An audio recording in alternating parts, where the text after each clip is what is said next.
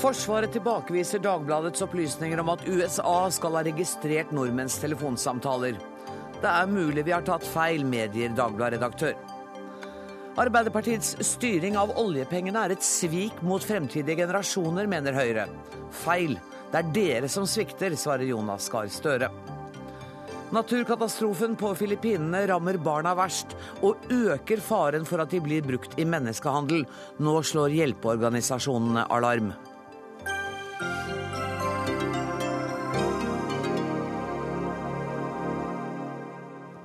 Dette er Dagsnytt 18, der vi i dag også skal innom Dansens Hus, hvor den store festen for Brageprisvinnerne nå pågår.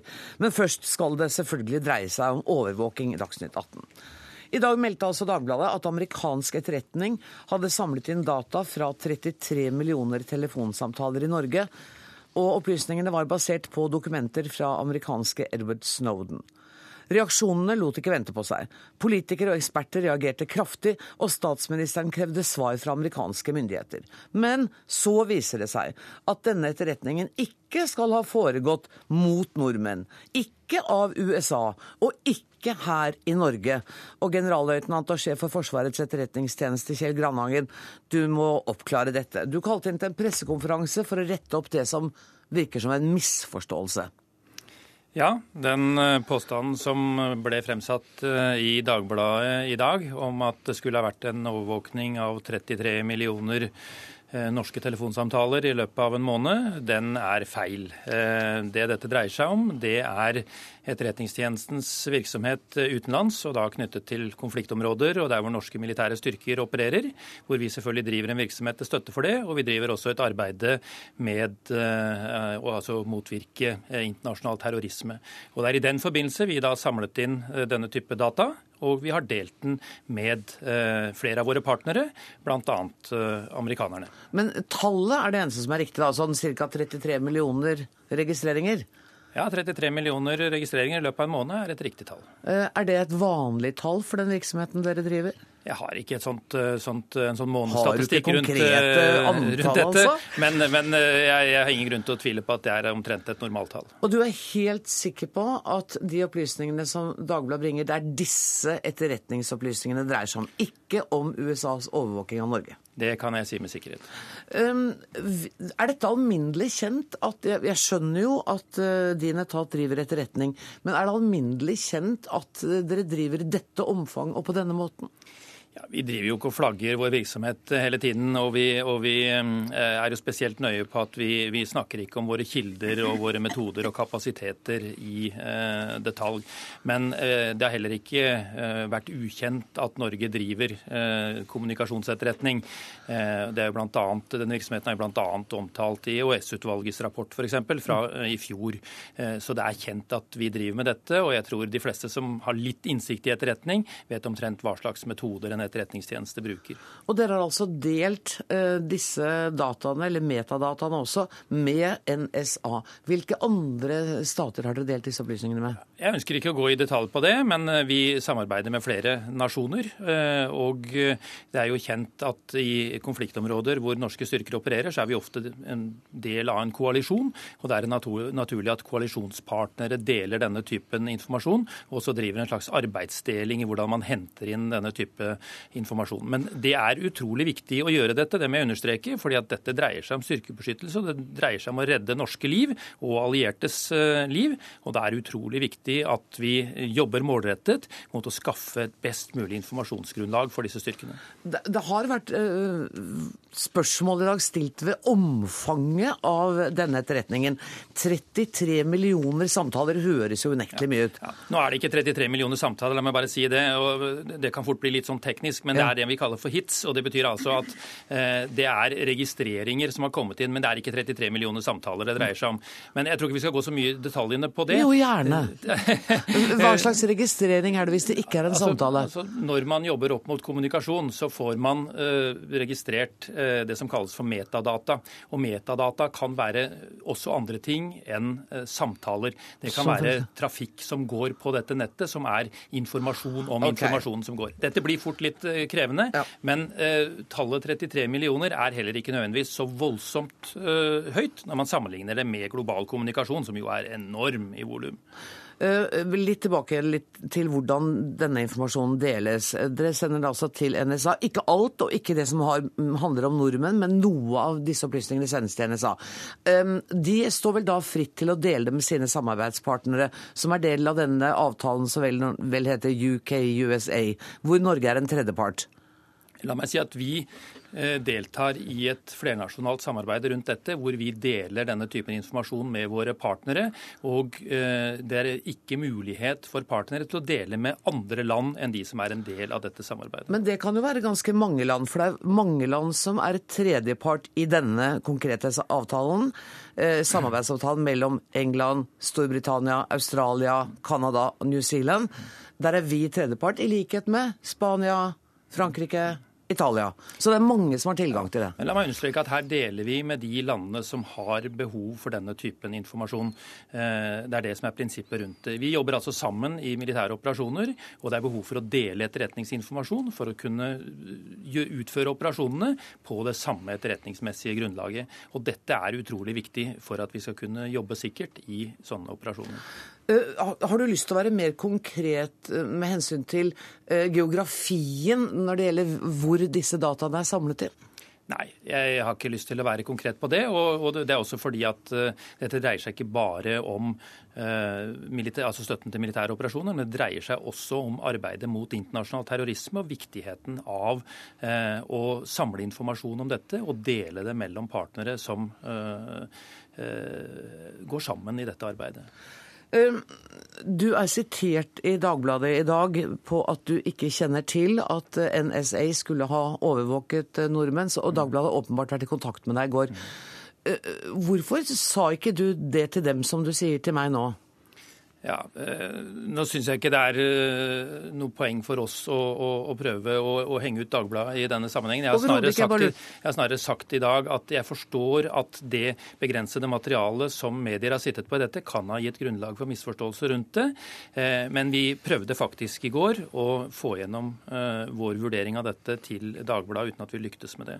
Det som har skjedd i Norge, ligner det på de situasjonene som har vært f.eks. i Spania, der tilsvarende tilsvarende lekkasjer eller opplysninger førte til eh, parlamentariske høringer, og der det viste seg igjen at det ikke var spanske myndigheter som hadde overvåket Eller ikke amerikanske myndigheter som hadde overvåket spanske, men eh, at det var spansk etterretning som hadde drevet på samme måte som i Norge. Det er helt riktig. Det er akkurat det samme programmet som er omtalt. Og eh, bl.a. i Spania har jo da dette vært oppklart for flere uker siden. At dette ikke dreide seg om amerikansk etterretning i Spania, men det dreide seg om spansk etterretning knyttet til internasjonale operasjoner og arbeidet mot internasjonal terrorisme der. Elbjørg Løver, du er leder for EOS-utvalget, som er Stortingets kontrollutvalg for etterretnings-, overvåkings- og sikkerhetstjeneste. Um, Grandhagen sa på pressekonferansen i dag at de arbeider etter de reglene og retningslinjene som er gitt, og at dere kontrollerer eh, dette arbeidet. Kan dere kontrollere alt? Nei, det kan vi ikke. Vi kan kontrollere gjennom dialog, informasjon, gjennom å se i arkivene, registrene, og det blir stikkprøvebasert. Samtidig som vi opparbeider jo en viss kunnskap eh, rundt tjenestens virksomhet. Og har jo mulighet til å stille kritiske spørsmål. Vi skal stille kritiske spørsmål. Som forhåpentligvis kan bidra til at tjenestene endrer praksis eller forbedrer rutiner eh, ut fra det vi mener er nødvendig. Men dere har altså, har, hvordan vurderer du rammene dere har å kontrollere innenfor? Nei, altså vi, vi, bare forholder oss til de lover og regler og rammer som blir gitt av politikerne. Vi er bare et etterpåkontrollerende organ. Mm. Samtidig som vi ser at eh, kontrollen kan bidra til at tjenestene blir bedre. Mm. Gjennom kvalitetssikring og endring av praksis. Men Har dere vært kjent med omfanget av innhenting av denne type data som eh, Grandhagen her refererer til? Nei, men vi har jo hatt stikkprøver i systemene for å se Og det, når vi er i E-tjenesten, så er noe av det viktigste vi gjør, det er å se etter at det ikke omhandles noen norske borgere der. Mm. Og det som eventuelt etter eh, etter lover og regler kan utleveres av uh, informasjon om norske borgere, at det ikke gis til stater som ikke overholder menneskerettighetene. Føler du deg trygg på at de reglene følges der, når det gjelder dette punktet? Jeg kan ikke garantere for alt Granhagen uh, gjør. men, men, gjennom stikkprøver så har vi altså ikke funnet noe. Og hvis vi hadde funnet det, så er det vår plikt å melde til Stortinget hva disse funnene er. Forsvarsminister Ine Eriksen Søreide, jeg må først spørre deg, hvordan reagerte du på oppslaget i avisen i dag? Altså, når, når, det kommer sånne oppslag, så er det alltid lurt å sette en fot i bakken og trekke pusten dypt og undersøke hva som er fakta. Mm. Og det er jo ingen tvil om at eh, både det Grandhagen og Løver sier er helt riktig, og det er jo også sånn at dette er en helt legitim virksomhet som alle land driver, i den hensikt å beskytte seg selv og sine borgere. Og da må man også drive et samarbeid som Norge og alle andre land også driver, med viktige partnere, sånn at man sammen kan bidra til å beskytte sine styrker i utlandet, man kan bidra til å bekjempe internasjonal terrorisme. Men så er det jo sånn at mange av disse problemstillingene reiser jo nye spørsmål i vår tidsalder med ny utvikling av kommunikasjonsteknologi som ser annerledes ut enn den gjorde for noen år siden. Og da er jo nettopp det arbeidet som Etterretningstjenesten selv driver, og også det arbeidet som EOS-utvalget driver, veldig viktig. For det skal være en demokratisk kontroll med etterretnings-, overvåknings- og sikkerhetstjenestene. Og det er det. Og som Elbjørg Løver også sier, innenfor de rammene, lover og regler som gjelder, så er det en kontroll som utøves på en god måte. Er du trygg på at du har full kontroll med etterretningen? Altså Jeg legger til grunn at det sjefen for Etterretningstjenesten sier, er riktig. Og jeg legger også til grunn at den kontrollen som EOS-utvalget utfører, også er riktig og grundig. Og det er jo, som Løver selv var inne på, eh, denne rapporten som nå ble behandla i Stortinget i juni i år, omtaler jo nettopp denne virksomheten som en del av Etterretningstjenestens helt legitime virksomhet i utlandet. Jeg må også spørre deg, Var du klar over omfanget av innsamlet data? Altså, poenget er egentlig ikke at jeg skal være klar over nøyaktig hvor stort omfanget er. Jeg skal være kjent med hvilken virksomhet som drives, at den forholder seg innenfor de lovregler som gjelder, og at det ikke er snakk om overvåkning eller etterretning mot norske borgere på norsk jord. Og det er jeg trygg på at det ikke er. Um, men det at du ikke har detaljkunnskap om omfanget, gjør jo da at det blir vanskelig for deg å vurdere om du syns det omfanget er passende eller for stort eller for lite? Ja, men Det er ikke selve omfanget, altså antall samtaler eller metadata, som er det essensielle her. Det essensielle er at selve virksomheten, det å innhente, forholder seg innenfor lovreglene som Stortinget har vedtatt, mm. og at det ikke foregår overvåkning av norske borgere på norsk jord. Og så er det jo også sånn at Samarbeid med andre land er kjent. Det er inngått samarbeidsavtaler, og EOS-utvalget har også innsikt i disse. Journalisten som har bistått Dagbladet i opplysningene, Greenwald, som også har hatt tilgang på Snowdens dokumenter, sier at det kommer flere av denne type avsløringer veldig snart. Bekymrer det dere? Altså, jeg vil ikke spekulere i det i det hele tatt. Hva som eventuelt skulle komme i den nærmeste framtid, har jeg ingen forutsetninger for å si noe om. Er du litt nervøs, Granhagen? Nei, jeg er ikke det. Altså, Vi liker jo ikke dersom det skulle bli avslørt uh, ting om oss som, som, berører det som vi definitivt ønsker å beskytte, og som det er viktig å beskytte. Altså kilder, eh, metoder, kapasiteter. Men Du er ikke redd for at dere har noen sinn på skogen som ikke skal finnes? Vi, vi, driver vår virksomhet innenfor norsk lov. Vi har personell som er opptatt av å holde seg på riktig side av de grensene, og jeg er veldig trygg på det. Og Løver, du er heller ikke bekymret da, skjønner jeg? Nei, jeg er ikke bekymret. Jeg har lyst til å si en ting. Fordi det er nedgradert noen retningslinjer for hva E-tjenesten kan utlevere av opplysninger til utenlandske tjenester. Det, det, var tidligere begrenset, tror jeg. Det ble nedgradert av E-tjenesten i juni i år. Så det er åpent for hvem som helst til å kunne se hvilke opplysninger og, og hvordan man kan utlevere disse opplysningene nyttig informasjon. Tusen takk for at dere kom, Kjell Grandhagen og Elbjørg Løver. Og også Ine Eriksen Søreide, forsvarsminister. Jeg håper at du kommer tilbake igjen her om en liten stund. Men eh, vi skal snakke om en litt annet aspekt ved dette. For vi gjør et lite skifte her. Inn kommer uh, forhåpentligvis hvert øyeblikk sjefredaktør Jon Arne Markussen i Dagbladet. Um, Markussen, har dere misforstått de dokumentene dere har hatt tilgang til? Hvis vi skal legge til grunn det det Grandhagen sa på pressekonferansen i dag, mm. og ta det for gitt, som vi kanskje bør gjøre, så kan det hende vi har misforstått det. Men dette er en løpende nyhetssak eh, hvor det til nå har vært utvikling, og hvor det også vil bli utvikling i tiden som kommer. Men eh, blåste, hva heter det, tente det ikke et, et blått lys da dere skjønte at dette ligner veldig på det som skjedde i Spania for noen uker siden? Eh, jo, det, dette, dette, er jo noe ruller jo fra land til land, for å si det sånn. Og dette er jo den første flik av Snowden-saken i Norge. Mm. Eh, det har jo vært dementert av NSA. Det har vært korrigert i Spania. Og vi ser noe av det samme i dag. Og vi ser jo det at uh, Grandhagen antagelig går lengst av det alle har gjort i å dementere. Uh, og, uh, men jeg tror på en måte at kampen om denne sannheten den, den, har akkurat begynt. Det vil komme mer. Fordi at det er jo ikke slik at selv om en, en E-sjef går ut og sier noe slik han har gjort i dag, så er saken derved avklart. Okay. Men, det, men, men, For du antyder ikke at han snakker mot bedre vitende? Nei, nei. Det, gjør jeg ikke. For å si det sånn, Granhagen har på mange måter opptredd helt forbilledlig i dag. Han har kommet ut, han har nærmest kommet amerikanerne til unnsetning og sagt at hei, dette er ikke deres overvåkning, det er min overvåkning. Ja. Og den har ikke skjedd i Norge, men den har skjedd i konfliktområder ute i verden. Og dette han, visste dere i går kveld, og likevel trykket dere saken? Nei, vi, vi, vi, visste ikke det. Vi, altså, vi visste ikke hans fortolkning av dette. Det gjorde vi ikke. Det gjorde vi ikke. Men han sitter jo her og sier at han har ikke lyst til å henge ut Dagbladet, men han orienterte dere i går om at saken ikke var slik dere Nei, trodde. Nå vil jeg ikke beskrive den kontakt vi har hatt med Hvorfor ikke det? Vi, har, Nei, vi vil jo gjerne kan... vite hvordan dette ja. kan skje. Ja, eh, men eh, du vil ikke få vite det fullt ut her, for bl.a. fordi at dette har med, med kildebehandling å gjøre, osv. Har dere vært litt lite kritiske når det gjelder kilder? Det kan hende at vi har vært for lite kritisk. Eh, det kan hende vi ikke har gjort en god nok jobb på verifisering osv. Og vi har fått eh, Granhagens versjon i dag. Så får vi se hva som nå videre skjer i denne saken. Det er jo helt klart at her kommer det mer.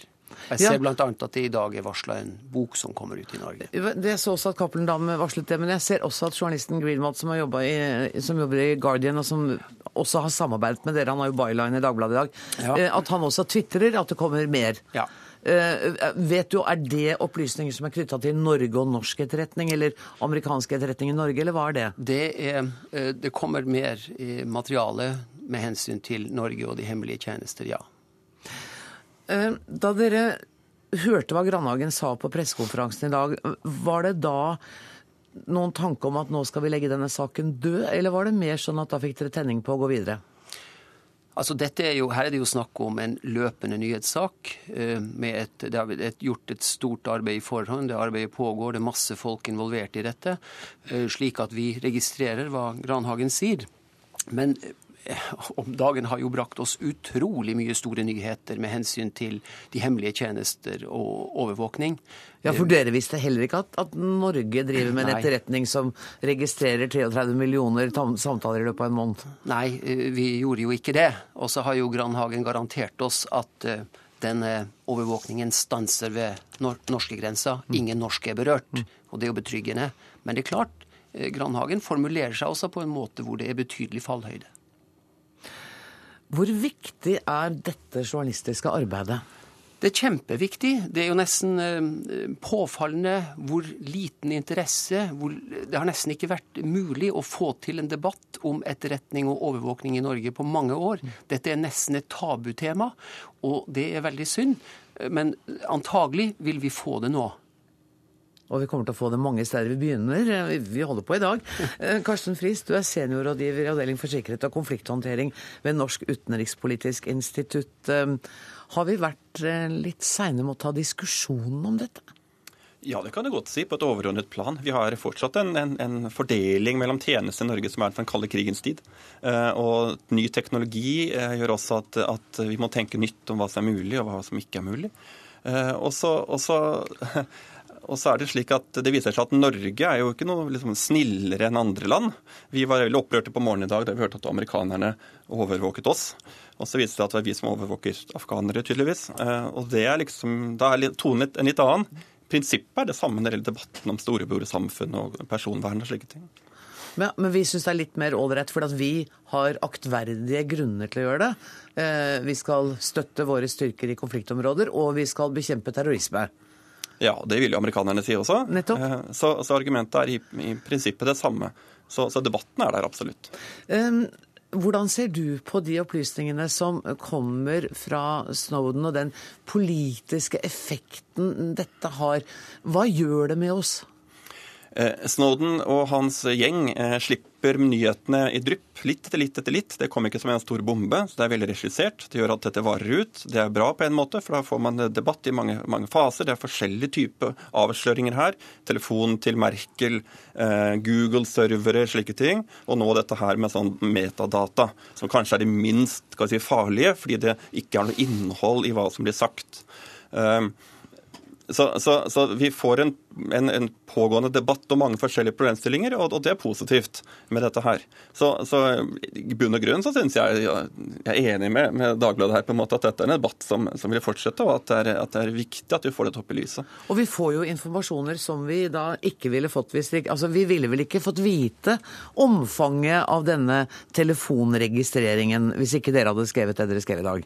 Nei, så, høres det ut som jeg driver og forsvarer dere. Jeg mente ikke det, da. Nei, men det er jeg helt sikker på at du ikke mente. Men det, du kan jo si det slik at eh, det som er litt merkelig, da, det er jo at på en måte at vi snubler inn i denne situasjonen i dag, mm. hvor plutselig vi får denne informasjonen om den massive kapasitet vi har når det gjelder eh, internasjonal overvåkning. Og det er jo et faktum at den informasjonen vi bringer i dag, den har vi henta ut hos NSA i USA. Nettopp. Men Frist, du sa til meg på eh, telefonen tidligere i dag at eh, det at det er norsk etterretning som har bedrevet dette her, eh, det gjorde på en måte at brikkene falt litt på plass, for du var litt i stuss i dag morges? Ja, det er jo med den metadataen. Den, den er jo en, en, en død informasjon. Hvis ikke man vet hvem man leter etter, så er det bare en svær høystakk. Uh, og, og, man har høystakken, men man vet ikke hvilken, hvilken nål man skal leke etter, så, så, er man like langt. Sånn at det er en nyttig informasjon hvis man, hvis man skal f.eks. finne en kriminell, hvis man vet hvilket nummer man skal søke på. Akkurat som politiet trenger det med jf. datalagringsdirektiv og alt dette her. Det er akkurat det samme. Men hvis ikke man har det, så er det et single source kilde som ikke kan brukes til noe som helst. Så hvorfor amerikanerne skulle ha det med norske borgere sånn passivt, det, det, det skjønte jeg ikke helt på morgenen i dag. Men nå falt det på plass? Nå henger ja, det mer på greip? I Afghanistan så kombineres dette selvfølgelig med annen etterretning man har mot de lokale aktører. Eh, og, man, og visse områder av landet og slike ting. sånn at Her er det en del av helhetsbildet. Vet du hva, Tida vår er ute. Tusen takk for at dere kom. Takk til redaktør Jon Arne Markussen, og takk til eh, seniorrådgiver Karsten Friis. Skal vi se. Der. Nå fortsetter vi den politiske debatten som Markussen da etterlyste. Vi gjør altså et nytt bytte, og inn kommer igjen forsvarsministeren. Eh, nå sammen med Trine Skei Grande og Snorre Valen. Og Trine Skei Grande, du har sagt i dag at fortsatt er det mange spørsmål du lurer på. Har du fått besvart noen av dem nå i løpet av de siste 20 minuttene? Nei, Det er nok hele Snowden-saken og alle de avsløringene som har kommet, åpner en personverndebatt i hele Europa. Eh, så mener jeg at eh, det er helt legitimt at Norge, når vi deltar i en krig, som vi har gjort i Afghanistan, også har en etterretning for å sørge for at vi deltar effektivt og ikke setter norske borgere sitt liv i fare. Det mener jeg er noe helt annet enn det som det så ut som i morges, nemlig at 10% av alle telefonsamtalene i Norge var registrert. Så mener jeg fortsatt at personvernutfordringer utfordringa er ganske stor i hele verden, og at vi må, vi må løfte denne debatten opp. Og vi må gjøre det sjøl om det i dag viser seg at det var en, en feil ballong som ble sendt opp. Ja, for da, jeg mener Det etiske spørsmålet som vi var inne på med seniorrådgiveren fra NUPI, det er jo at øh, vi hisser oss grusomt opp ved tanken på at USA skal overvåke oss, men vi overvåker altså i stort monn, og USA gjør det også, og det forsvarer vi. Ja, Prinsippet er det samme. Ikke, ikke alle overvåkinger man kan forsvare, men hvis man deltar i en krig, eh, og man har behov for å vite om fienden er bak neste ås eller om bak neste fjell, så mener jeg at det er en type etterretning som det er viktig å, å kunne få gjøre. Og så mener jeg også at det er, når du har en rettsstat med rettsstaten sine prinsipper er oppretta, og vi ikke befinner oss i en krigstilstand, så må du beskytte borgerne sine, sitt privatliv mye sterkere. Og jeg mener at det finnes en, faktisk en forskjell på det å være i krig og det å ikke være i krig. Mm. Og, og så, er det, så er det noen gråsoner her, for det er også det som heter terrorbekjempelse. Mm. Som ikke er en krig, men som er noe mer diffust der ute. Ja, og det som er store forskjellen der, er de store datainnsamlingene som datalagringsdirektivet f.eks. legger grunnlaget for. De store, massive innsamlingene som vi ser at NSA bruker, som jeg mener er feil metode. Jeg mener at det er feil metode, og det overvåker og kriminaliserer alle borgere, i stedet for at vi har ordentlige ressurser som kan forfølge terrorister, og også overvåke terrorister når det er knytta mistanke til dem. Det lager vi spilleregler for i en rettsstat, og det er de spillereglene som PST skal forholde seg til, f.eks. i Norge. Snorre Valen, stortingsrepresentant for SV. Jeg regner med at du er relativt enig med Trine Skei Grande i akkurat dette her. Men, men, hvis vi tar dette omfanget overvåking Jeg går ut fra at heller ikke du visste noe om eh, hvor mange registreringer det var av telefonsamtaler? Det gjorde jeg ikke. Eh, men jeg merka meg i morges, da, da Dagbladet-forsida var over hele landet, at noe av det første statsministeren sa, eh, var at hun, hvis dette stemte, la hun til selvfølgelig, eh, så var ikke hun veldig overraska.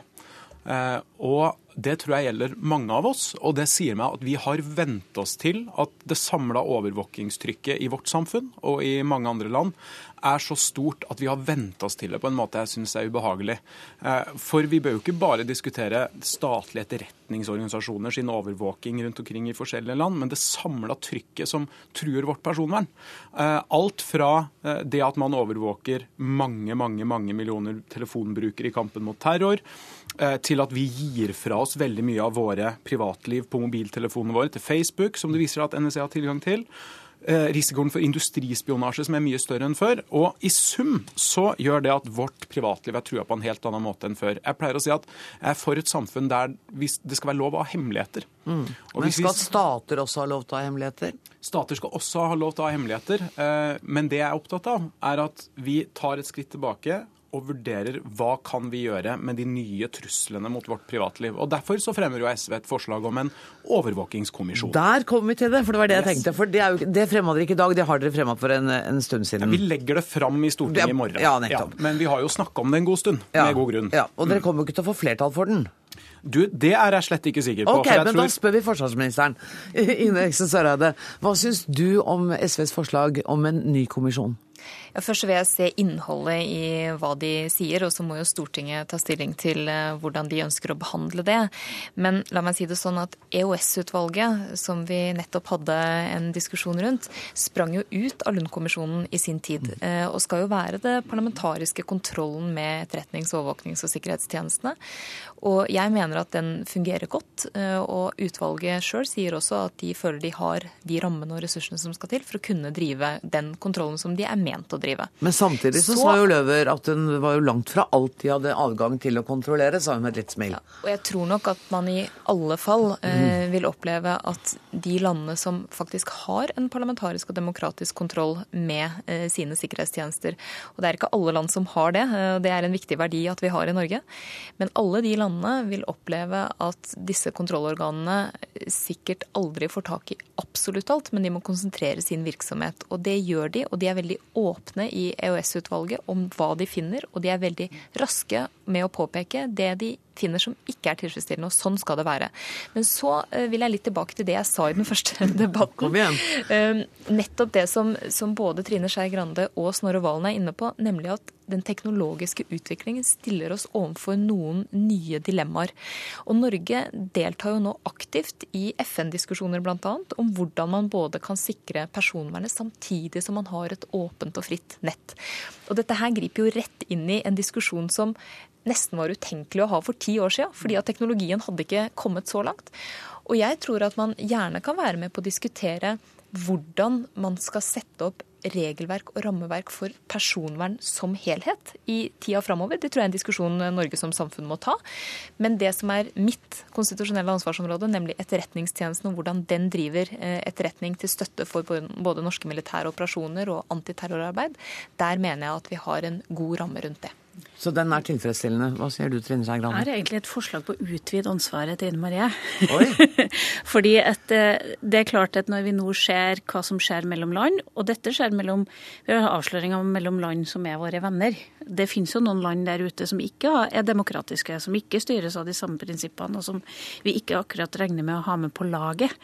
Og da er spørsmålet om en forsvarsministers jobb i framtida ikke bare er snakk om norsk territorium, norske interesser, men også å forsvare norske borgere borgeres sikkerhet overfor de type truslene fra utlandet også. Eh, og at det er det å ta vare på folks rett til privatliv i Norge kanskje burde vært en del av en forsvarsministers også ansvar. Eh, for det handler om å forsvare oss mot fremmede makter som griper oss inn på andre deler av, av livene våre. Eh, så er jeg veldig spent på Vi skal behandle i gruppa forslaget fra, fra SV når det, det, kommer. Men vi har jo hatt en personvernkommisjon mm.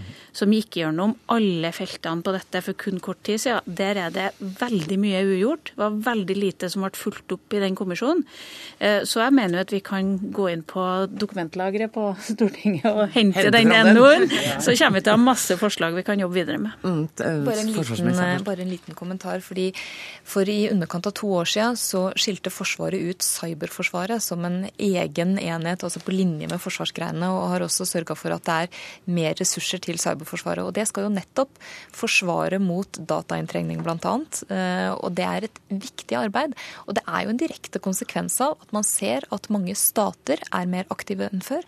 Og man ser også enkeltaktører som ikke er statlige, typisk terrororganisasjoner, som også er mer aktive enn før. Sånn at i og for seg mener du at det er ivaretatt det behovet som Trine Skei Grande mente for å utvide et ansvarsområde? Altså, jeg har i hvert fall under mitt ansvarsområde et godt cyberforsvar. Men jeg må, Snarval, altså, det er litt sånn forsiktig tilslutning til tanken om en kommisjon, men egentlig så syns begge damene at det er greit som det er? Jo, men det, altså, Da vi startet med etiske retningslinjer for oljefondet, så var det mange som var kjempeavvisende. Så vi er, vi er litt tålmodige, vi. Men i denne saken så haster det lite grann. Jeg er helt enig at EOS-utvalget gjør en god jobb, eh, og de er Stortingets kontrollorgan for de norske hemmelige tjenestene. Men det jeg snakker om, er det samla trykket, overvåkningstrykket, nordmenn utsettes for i sin helhet. Eh, og eh, allerede nå så mener jeg at deler av arbeidet til Personvernkommisjonen er utdatert. fordi vi visste jo f.eks. ikke for et par år siden at USA og antakelig andre land, har en så sofistikert evne til å søke i vår aktivitet på sosiale medier og i vår e-post f.eks. Det er helt annen grad av industrispionasje enn før. Og det er også veldig mange private selskaper som har interesse av å vite mye om oss som privatpersoner, som ikke har vært diskutert eh, i det hele tatt. Og Derfor trenger vi å gjøre dette arbeidet, for dette er en type arbeid som vi ikke kan gjøre i etterkant når det er for seint. Vi må eh, legge noen rammer nå og sette noen grenser nå og trekke pusten litt og si at nå kan det ikke lenger være sånn at vi stadig skal trappe ned terskelen for å overvåke. For det er det vi har gjort siden 11.9. Det har blitt lettere og lettere å få lov til å overvåke.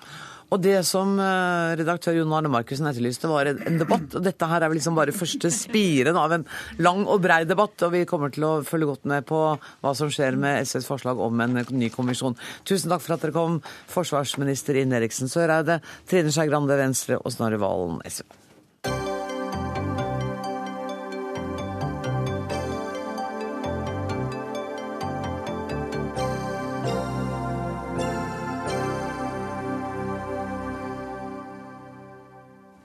Skal det dreie seg om penger. Arbeiderpartiet og Høyre beskylder hverandre nå gjensidig for å gjøre Norge for oljeavhengig, og dermed skape en todelt økonomi. Mens investeringsnivået i norsk oljesektor aldri har vært høyere, er investeringsnivået i all landbasert industri lavere enn på lenge. Og Arbeiderpartiet og Høyre er altså uenige seg imellom om eh, hvordan, hvordan skylda skal fordeles. Jonas Gahr Støre, finanspolitisk talsmann for Arbeiderpartiet det blir jo nærliggende da å si at det er dere som har skylda for dette, fordi at dere har faktisk etterlatt dere denne todelte økonomien. Nå hadde jeg tenkt egentlig å begynne denne debatten med å ikke ha noe sånn oppgjør oss to imellom i utgangspunktet. For jeg tror Høyre og Arbeiderpartiet er enige om at dette er en utfordring for Norge. Men jeg vil begynne med å si en ting. Vi må ikke gjøre det til et problem at vi har en lønnsom olje- og gassektor, energisektor.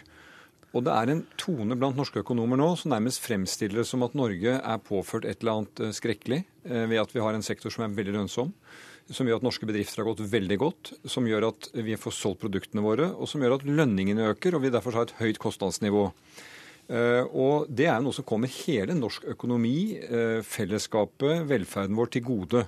Så når vi nå går inn på å debattere dette med todeling, så er jeg opptatt av at vi har med det. Og at vi også nyanserer begrepet todeling litt når vi debatterer at, at, at det er ikke bare to deler i økonomien. Vi har kanskje tre, fire, fem deler i økonomien. Ulike deler som uh, går på litt ulik takt og tempo. Men vi som politikere har jo ansvar for å forsøke å innrette de virkemidlene vi styrer, slik at det er vekstkraft i bredden av økonomien. Og da er det grunn til å være urolig for at vi har deler av uh, norsk økonomi som konkurrerer med helt vanlige produkter på verdensmarkedet men som må ansette ingeniører og uh, fagarbeidere som har lønninger tilpasset en veldig aktiv energisektor. Og Derfor så må vi uh, gjøre noe, og jeg mener vår regjering har gjort mye for å uh, lette og bedre forholdene for dem. Sørge for at vi holder et visst fornuftig tempo og ikke slipper det helt fritt på de andre områdene. Her kan vi ta oss noe mer tid. Og innrette politikken etter det. Og så mener jeg at vi nå har fått et statsbudsjett fra denne nye regjeringen som øke bruken av oljekroner. Eh, og som sånn sett gir veldig gass i den retningen, som jeg tror det er grunn til å advare litt mot. Men hvis du bare for et øyeblikk godtar dette begrepet todeling, som altså er skillet mellom fastlandsøkonomien mm. og uh, oljeøkonomien, det gjør det litt lettere å gå videre. For du har vel sagt i dag også at det er jo denne regjeringen som skjerper den forskjellen? Ja, altså på, Nå diskuterer vi da innenfor ett budsjett som ja. er akkurat nå. Ja. Eh, og da mener jeg at en måte å øke oljeavhengigheten på, er jo hvor mye oljepenger vi bruker inn i budsjettet. Og Det første denne nye regjeringen gjorde før den skulle begynne å bruke penger på ting den var opptatt av var gode formål, var å hente ytterligere 4 milliarder ut av oljefondet. Og Det mener jeg er et tvilsomt signal. Det er kanskje går greit med de 4 milliardene, men det er et signal om at når Norge skal gjøre noe som vi syns er viktig, så må vi hente mer oljepenger. Mm. Og Det er å gjøre oss mer eh, oljeavhengige. Og Det er også andre grep som de foreslo, og som de etterpå trakk. Det var nemlig å øke energi, altså en Eh, omkostningene for tradisjonell industri, deres bruk av ren norsk energi. Det trakk de etter mye press, eh, som hadde gjort det vanskeligere for den delen av industrien som ikke går på, eh, kan vi si, på, den, på oljetakten. da. Svein Flåtten, finanspolitisk talsmann for Høyre. Dere har jo gjort det som Jonas Gahr Støre sier dere har gjort nå, nemlig økt med 4 milliarder kroner i bruk av oljepengene? Absolutt. Og jeg syns det er klokt av Jonas Gahr Støre i denne debatten å moderere seg betraktelig i forhold til eh, det han har sagt om at eh, vi gjør Norge mer eh, oljeavhengig. Jeg er ikke så fornøyd med det, for jeg er her for at dere skal debattere. Ja, det og det har jeg i aller høyeste grad tenkt å gjøre. fordi at en regjering som har sittet i noen få uker, kan ikke ta inn over seg den tosporsøkonomien som vi faktisk har, og som har utviklet seg gjennom de senere årene, under nettopp den regjeringen som Jonas Gahr Støre har vært en del av. Men dere må snart, det er ikke lenge til nå, dere må slutte å bruke den korte regjeringstida som en unnskyldning? Jeg bruker den ikke som noen unnskyldning, jeg bruker den bare overfor eh, Jonas Gahr Støre, som jeg synes misbruker akkurat den. Det vi kommer til å gjøre annerledes, vi sier at vi kommer til å prioritere det som skal hjelpe denne fastlandsøkonomien. Og Én ting er å bruke oljepenger. Man kan diskutere om det er det ene eller andre nivået som er riktig, om det er disse fire milliardene eller ei som eh, utgjør vippepunktet. Det som er essensielle er hva bruker du pengene til. Sånn er det med alle penger. Hva bruker du de til? Hva får du igjen for pengene?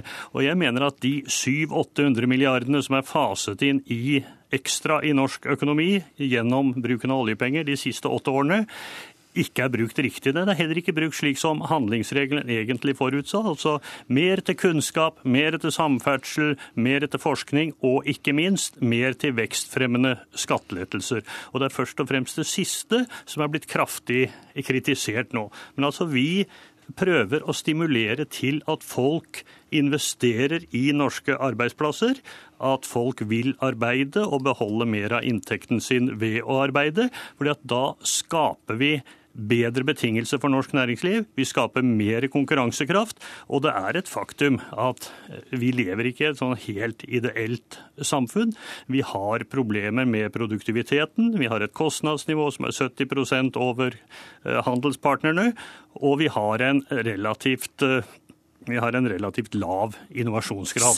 70% over har vi et kostnadsnivå som er i snitt 70% høyere enn våre 70 eh, høyere okay. enn handelspartneren. Det kan helt sikkert Jonas Gahr Støre bekrefte. Og det er klart at vi Høyre vil ikke sette ned lønningene, for lønninger er jo en stor del av dette. Men da må vi kompensere, sånn at Bedrifts-Norge får andre tiltak. F.eks. bedre veier, f.eks. bedre eh, skattebetingelser, f.eks. mer til forskning og utvikling. Sånn tenker vi.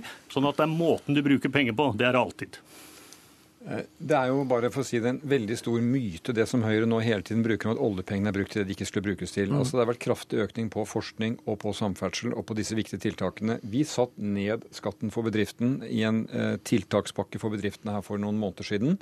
Eh, og det er jo noe med at det blir fremstilt som et problem de siste årene hvor Norge har hatt lavest ledighet, høyest vekst, flest i arbeid og nyskaping av masse nye bedrifter. Men vi ser jo trekk i den økonomien hvor vi skal klare å håndtere de to sektorene sammen. Men la, la meg ta dette eksempelet med, som jeg begynte med, dette med at vi må ikke gjøre den oljesektoren til et problem. Nå har vi en, nå har vi en leverandørindustri som også skal konkurrere til harde priser.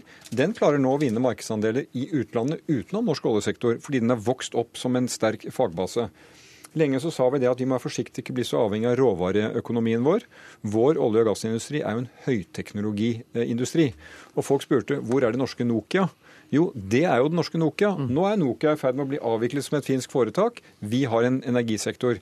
Så jeg er opptatt av å ikke gjøre det, gjør det til et problem. Alle de dyktige folkene vi utdanner og utvikler i denne sektoren, de kan komme resten av økonomien til gode. Men det at vi har en høyere kostnadsvekst, det er jo fordi bedriftene våre har tjent mer penger. De som jobber i de bedriftene har fått sin del av kaka. Og det kan vi jo ikke i utgangspunktet beklage, men det krever jo også da at vi har et sterkt fokus på produktivitet. Og da blir debattene våre selvfølgelig i Stortinget, Flåtten, det blir jo da om hva som skjer i dag. Og la meg da bare zoome inn på det og si at vi mener det er et dårlig tiltak for det vi kaller arbeidslinjen, nemlig at folk kommer i jobb. At vi nå gjør innskrenkninger på barnehage, vi øker kontantstøtten, som er slike ting som gjør at folk er produktive og vil gå i jobb. Mm. Ja, det er riktig at vi gjør noen prioriteringer. Vi mener at hvis man vil prioritere vekst, verdiskaping og det som understøtter velferdssamfunnet, som vi alle vil ha på sikt, da må vi gjøre noen prioriteringer. De kan være tøffe. Da vil vi møte sånne debatter som dette, hvor man sier fra opposisjonen at dere har kuttet i det og det og det. Da må man stå oppreist og si som så at ja, vi kutter i enkelte ting, men vi vi prioriterer det som kan gi økt vekst. Ikke fordi at Norge ligger helt ned i sumpa, det er mye som er bra. Men vi har noen utfordringer. Skal vi løse de, så tror jeg faktisk vi er nødt til å gjøre det på den måten. Men dere prioriterer jo ikke å hente fire milliarder til i oljefondet. Det er det synes jeg skulle virkelig vært De har sagt at sju av ti oljekroner brukes feil. Så burde dere jo vise litt trygt da, og så flytte om på oljekroner. Men isteden sier de i første korsvei for å finansiere skattelettelser må vi ha fire milliarder til av våre barns pensjonspenger. Det syns jeg er en dårlig prioritering. Det synes ikke jeg. Vi prioriterer helt annerledes med pengene. Det er jo det som er saken, og det har vi gjort. Jeg kommer tilbake til disse få ukene. Jeg syns det er en prestasjon å gjøre det på få uker. Det som man ikke har greid å gjøre på åtte år. Tusen takk for at dere kom. Jeg tror vi kanskje ble litt klokere. Takk til Jonas Gahr Støre og til Svein Flåtten.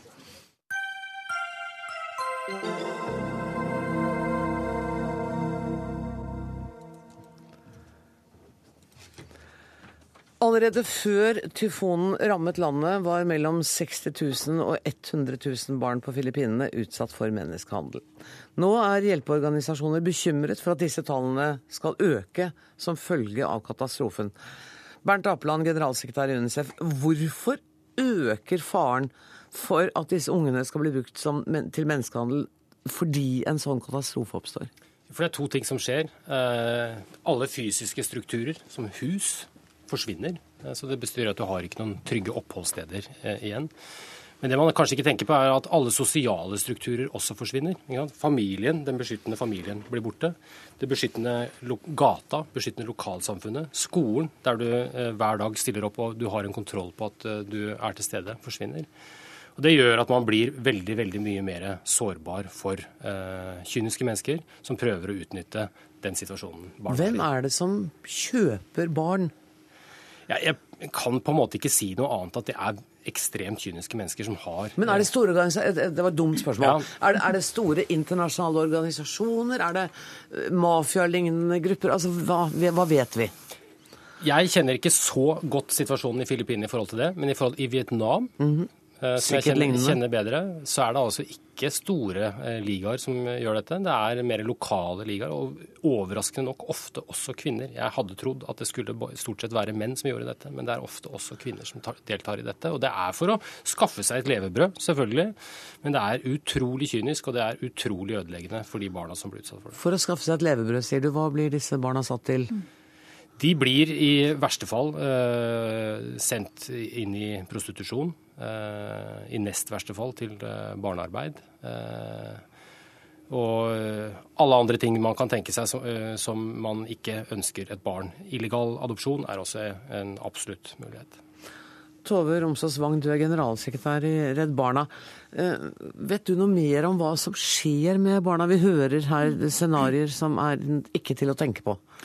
Altså, det er jo dette som Apeland er inne på, at det er en veldig kaotisk og uoversiktlig situasjon. Og så er det da noen bakmenn, kyniske, som utnytter den uoversiktlige situasjonen når det er kaos, til å gå inn og enten kidnappe eller lure til seg barn på et vis. Men når jeg har sagt det, så har jeg, først har jeg lyst til å si at vår største bekymring for barn på Filippinene nå er jo rent vann tilgang til mat og medisiner. Så det er ikke dette som er vår hovedbekymring, men dette er også et problem. Ja, for hvis det er allerede før katastrofen mellom 60 og 100 000 barn som er ofre for menneskehandel, og man ser at det tallet skal øke, så er det bekymringsfullt. Men jeg lurer på, vet vi nå om blir de barna værende på Filippinene, eller blir de i hjemlandet, eller fraktes de ut? De 60 000-100 000 jeg snakker om, er i Filippinene. De er i Filippinene. Filippinene. Mm. Ja. Men du er vel enig med henne at det er, nå er det behovet for mat, vann, god hygiene som er det viktigste? Det aller viktigste er rent vann fortsatt. Og det er, all, det er fortsatt slik at eh, vi antageligvis bare har nådd ut til omtrent halvparten med, eh, med den maten de trenger og enda færre med det rene vannet eh, de trenger. Vi snakker om et område som vi, i flateinnhold ikke er, egentlig er større enn Danmark, men hvis du sprer det utover, eh, sånn som det er, som disse øyene er, så er det altså fra Oslo til Roma. Så det er veldig vanskelig å komme ut, og det kommer fortsatt til å dessverre være historier om mennesker som vi ennå ikke har nådd. Tove Romsås Wang, hva gjør et barna konkret nå? Altså I tillegg til dette med å sørge for rent drikkevann og medisinsk hjelp, og at de får tak over hodet, så i forbindelse med det vi snakket om innledningsvis, nemlig dette med beskyttelse av barn, så har vi akkurat fått meldingen om at Unicef og Redd Barna har gått sammen om å opprette det første senteret hvor barn kan komme og bo under trygge, trygge omgivelser. Og Det som er viktig, er jo å gjøre lokalsamfunnet bevisst på at det kan skje overgrep, og at de må bl.a. skape nettverk som gjør at de passer på de barna de har rundt seg. Det er veldig mange barn som kommer bort fra foreldrene sine. Så vi også, legger også til rette for registrering av de barn som savner sine foreldre. Og så vil andre organisasjoner legge til rette for å registrere foreldre som savner sine barn.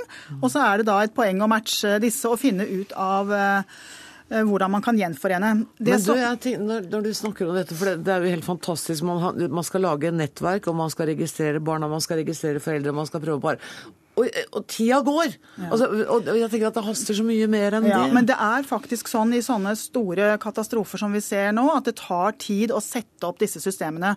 På, etter jordskjelvet på Haiti for eksempel, så holdt vi på i månedsvis, og det kunne gå opp til et år faktisk før vi fant den rette familien til det barnet som var, hadde kommet bort fra sine foreldre. Så dette er langsiktig arbeid også. Hvis jeg bare kan tillegge til det, for Jeg jobbet i, i Indonesia under tsunamien, eller etter tsunamien. Og jobbet bl.a. med å gjenforene barn med familiene sine. og Vi gjenforente til tre-fire måneder etterpå. Jeg kan love deg at gjensynsgleden var ikke noe mindre. Nei, det, det, var, det var ikke det jeg tenkte. Jeg tenkte på at barna er ekstremt sårbare i hele det, den tiden og det har du helt rett i. Og det, det var det som var og det er en veldig veldig vanskelig situasjon, og som vi er nødt til Vi er i ferd med å få grep om det i byene. Mm. Men neste skritt er å komme ut på landsbygda. Men, men, det dere nå har, altså UNICEF for et barn har blitt enige om å bygge, eh, eller lage dette stedet, hvor mange barn kan man ta imot der? Det virker jo som behovet er helt enormt. Altså, nå er vår plan i løpet av de neste ukene å opprette 40 sånne sentre. Dette er liksom den første og begynnelsen. Og det haster, som du sier. Man kan ikke somle med dette arbeidet, men det tar tid å skaffe gode fagfolk, som da er spesialister på barn og beskyttelse av barn, som skal drive disse sentrene. For det er jo også et problem at du skal eh, rekruttere stab, og du skal være sikker på at den staben du rekrutterer, har edle og gode hensikter og kan faglig ivareta de barna de skal, er satt til å ivareta. Så dette må gjøres eh, ordentlig, eh, og vi må sikre at det er trygge omgivelser for de barna som kommer inn. Men bare det å opprette et mottakssenter og tenke OK, alenebarn, hvor i senteret skal de oppholde seg? Hvem skal passe på de? Hvem av disse har traumatiske opplevelser? Hvordan bruker vi de ressursene vi har, best mulig på de som trenger de mest? Og det å tenke barn og barns sikkerhet og barns trygghet hele tiden er selvfølgelig viktig.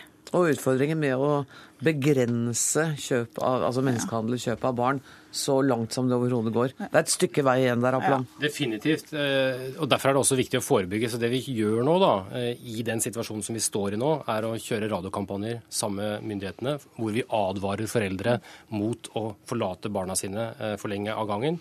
Advarer foreldrene mot å stole for mye på hjelpeorganisasjoner som sier at de skal komme og hjelpe barna deres. Mm. Og vi kjører rundt i landet faktisk med biler med høyttalere på og sprer det samme budskapet for å prøve å forhindre inntil vi kommer på plass med det apparatet som trengs. Jeg kan bare ønske lykke til med det viktige arbeidet dere gjør. Tusen takk for at dere kom til Dagsnytt 18, Bernt Apland og Tove Romsås Wang.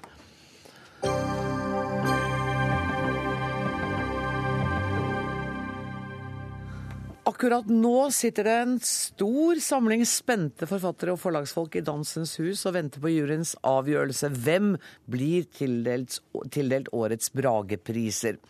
Det deles ut priser i fire klasser, og Brageprisen Det er vel ikke å ta for hardt i å si at det er Norges viktigste litterære pris, Agnes Moxnes. Du er kulturkommentator her i NRK. Ja, nå har jeg sittet og sett på liksom, bildene fra utdelingen. Okay. Og når jeg ser på ansiktene til eh, de som har mottatt prisen Og Er de ferdige nå? Ja, nå begynner de vel, og hedersprisen er vel kanskje ikke delt ut riktig ennå. Eller den blir kanskje delt ut akkurat nå, men folk de ser veldig, veldig glade ut, de som får denne prisen. Det var veldig snilt av deg å liksom komme i studio her istedenfor å være med på festen. Ja, Det er jo sikkert den minst glamorøse prisutdelingen eh, i Norge, vil jeg tro. For det er én utdeler, det er kulturministeren, da. Eh, Det er eh, programleder uten slips, det er avslag. Forfatterne liksom, de pynter seg ikke med glitter og stas når de går på sånn fest som dette her. Men stemningen er ikke noe dårligere av den Nei, det virket ikke slik. Men du, eh, det, er altså, det deles ut i fire klasser. Det er barne- og ungdomslitteratur, det er skjønnlitteratur, det er sakprosa og det som heter åpen klasse. Er det alltid de fire klassene, eller kan det variere år for år? Det varierer litt, men altså sakprosa og skjønnlitteratur og barn og ungdom er der alltid. Og så er det denne eh, varierende, da, hvor man kan liksom eh, slå ned på sjangere som eh, bør hedres. For det er jo en god del sjangere ute og går her. Men i år så var det da eh, Den åpne klassen var faktabøker for voksne, som jo nærmer seg sakprosabøkene.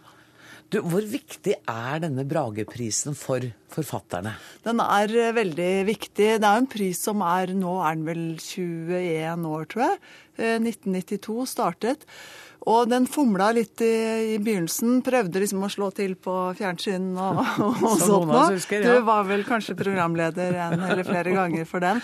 Men, men den har gått seg til og funnet liksom sitt leie. Mm. eh, Og trives veldig godt med å gjøre dette her i forfatternes eh, selskap. Og så er det jo samtidig en pris som interesserer veldig. Altså, vi er jo et eh, lesende folk Mm. i Norge, så vi, vi følger med på dette her. Vet du hva, Da skal vi rett og slett til Dansens Hus og til reporter Helga Rognstad. Og eh, Helga, du må aller først fortelle meg hvem det er som har vunnet årets Bragepriser. Ja, så langt så har vi fått tre vinnere, og nummer fire leses opp i disse minutter. Vent, Men- la, la, leses det opp akkurat nå? Ja, men jeg sitter utafor her, for jeg kunne Åh, ikke rapportere inne derifra. så jeg får ikke hørt det. Men det er, eh, for barne- og ungdomsbok så er det Brynjulf Jung Kjønn som vant for sin, eh, sin bok 'Så vakker du er'.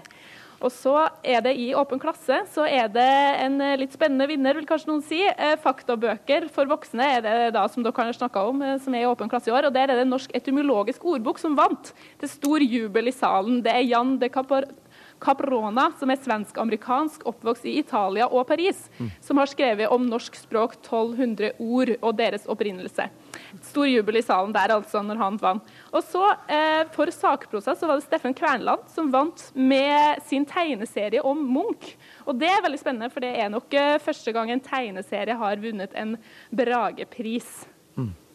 Og det var de tre som du hadde fått med deg, så den som er klassen for skjønnlitteratur, vet vi fortsatt ikke. Den håper jeg å få straks inn på øret her, så jeg kan gi dere vinnernavnet snart. Men vet du hva, Helga, da foreslår jeg at jeg snakker bitte litt mer med Agnes generelt om pris, og så bare melder du deg når du har noe mer å, komme med. Agnes, um, forlag, altså, de selger jo flere bøker, de får større lesekrets, uh, disse forfatterne. Ja, de gjør det. Altså, I år så er det jo det som har skjedd i år, er jo at den eh, skjønnlitterære kategorien mm. Der er det tre eh, eh, diktsamlinger og én roman. Nå har jeg det i gåseøynene, for det har vært veldig sier det roman. Ja, Hans Dag Solstad sier det er en roman, men det har jo vært veldig omdiskutert at han ble nominert med sin slektshistorie fra Telemark, med en tittel som jeg ikke skal prøve å, å huske her engang. Men det er klart at særlig for en poet, det er jo mange som tipper at det er en poet som går av med seieren i dag, så er det stor stas. Og det er vel, hvis det er en poet som vinner i dag, så jeg tror jeg det er tredje gang i, i litteraturprisens Og da, historie. men har det noen gang For det er tre lykkesamlinger som er nominert i skjønnlitterær klasse sammen med Dag Stor... Har det, har det vært så mange i en Nei, klasse? nei, nei, det er helt spesielt. Så, så dette juryen har nok sittet her og tenkt at nå løfter vi frem denne kategorien. Fordi det har jo, i år så har det, er jo flere forfattere som har fått, eh, som selger godt og fått veldig god omtale. Altså type Roy Jacobsen, eh, De usynlige, Cecilie Enger med sin historie om moren, eh, Tore Renberg. Altså det er mange av de gode, solide norske forfatterne som, som nok hadde kanskje regnet med at de skulle komme inn på denne lista her. Men, og som De sier det jo ikke, men jeg vil jo tro at de føler seg litt snytt av at de ikke er der. Men, men Agnes, jeg, jeg tenker når jeg hører disse forfatternavnene og klassene, så slår det meg at det er jo ikke bre, den brede litteraturen, kanskje?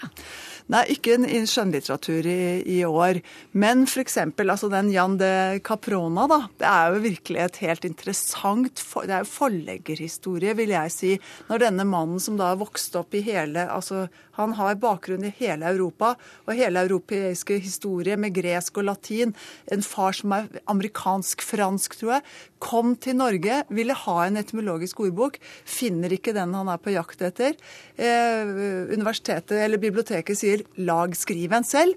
Og så jobber han på i Riksrevisjonen, og han begynner å publisere de første funnene sine om norske ord på in, i internavisa i Riksrevisjonen. Og nå foreligger det altså da en bok som er eh, ja, hvor stor er den? Jeg har skrevet den ned der. Eh, Nesten 2000 sider med 12 000 oppslagsbok om eh, norske ord og deres eh, bakgrunn og historie. Ja, det er jo utrolig interessant, men det bekrefter jo på en måte min påstand. Det er ikke den brede Jo, men det som er interessant, okay. da, er at når man satser på sånn kvalitet, og så spesialisert kvalitet, så selger det for den boka altså har solgt i formidable 36 Eller iallfall opplaget er nå på 36 000. Men det er jo fantastisk. Da Ja, trekker ja, jeg er tilbake alt og sier at dette, Ja. er, dette er den brede litteraturen. Eh, Det, har, det har vært diskusjoner Det er jo alltid diskusjoner rundt litterære priser. Kommer denne Brageprisen til å bestå? Ja, ja, det tror jeg nå. Nå har den liksom funnet en, en plass. Den er viktig. Den er, eh, forfatterne er fornøyde med den, sånn, den utformingen som den har nå. Men det er klart at du skal ikke ha for mange runder med bøker som kanskje ikke henvender seg litt grann bredt, da. Men det, altså, det er veldig mange av de bøkene her nå, f.eks. også Steffen Kvernlands bok om biografi om Munch. Det er jo Mm. første gang en tegneserie Ja. har fått en sånn pris som dette her i Har du sett den? sakprosa. Ja, det er en helt fantastisk bok. Altså, den er, Helt, altså, den er helt annerledes. Den er ikke respektfull i forhold til liksom, det der litt sånn mytiske Edvard Munch-bildet. Men uh, her er det en litt sånn stor en, en, en Munch med en kraftig hake, veldig selvopptatt og holder på med sine ting, og lever sitt eh, pussige, men intense kunstnerliv. En, fa- en fantastisk bok. Du, pleier det ikke å være en ærespris også? Jo, Og den er vel ikke trodde delt ut ennå? Vi hadde håpet å få med den nå. Ja, Men da, eh, nå, er Hel nå har Helga meldt seg. Helga Ragnstad, Ja. veit du noe mer? Du får ett minutt. ja, jeg regner med dere er spent. Vi er det. Ja, Skjønnlitteraturprisen i år den går til Ruth Lillegraven for hennes andre diktsamling 'Urd'. Nettopp, som handler om to kvinner. Det gjør den. Ja. Og har du en ærespris her òg, eller? Den er ikke annonsert ennå, så den er vi nødt til å komme tilbake til i en annen sending. Vet du hva, Jeg må bare ønske deg kjempehyggelig fest. For jeg skjønner at du får ikke fatt i noen av prisvinnerne, for de står faktisk på scenen og lar seg ikke trekke vekk. Men du må ha en eh, fortsatt hyggelig kveld, Helga Rognstad. Tusen takk. Eh, Agnes, eh, Ruth Lillegraven, var det overraskende? Det var vel litt eh, overraskende for mange som hadde tippet på Øyvind Rimbereid, som nå, liksom, eh, nå er vel liksom regnes vel som absolutt en av de beste poetene i Norge. Men, men Ruth Lillegraven er ikke noe dumt navn. Hun eh, har altså gitt ut en par-tre diktsamlinger, men kom med sin første roman nå i høst, og også den har hun fått veldig gode kritikker for, så dette er et godt navn. Og dikt, diktsamlingen hennes heter altså Urd. Da sier jeg tusen takk til Agnes Moxnes. Eh, Dagsnytt 18 er eh, slutt for i dag. Det ansvarlige i dag var Siri Storstein Hytten. Det tekniske ansvaret er Finn Lie. Og jeg heter Anne Grosvold. Takk for nå.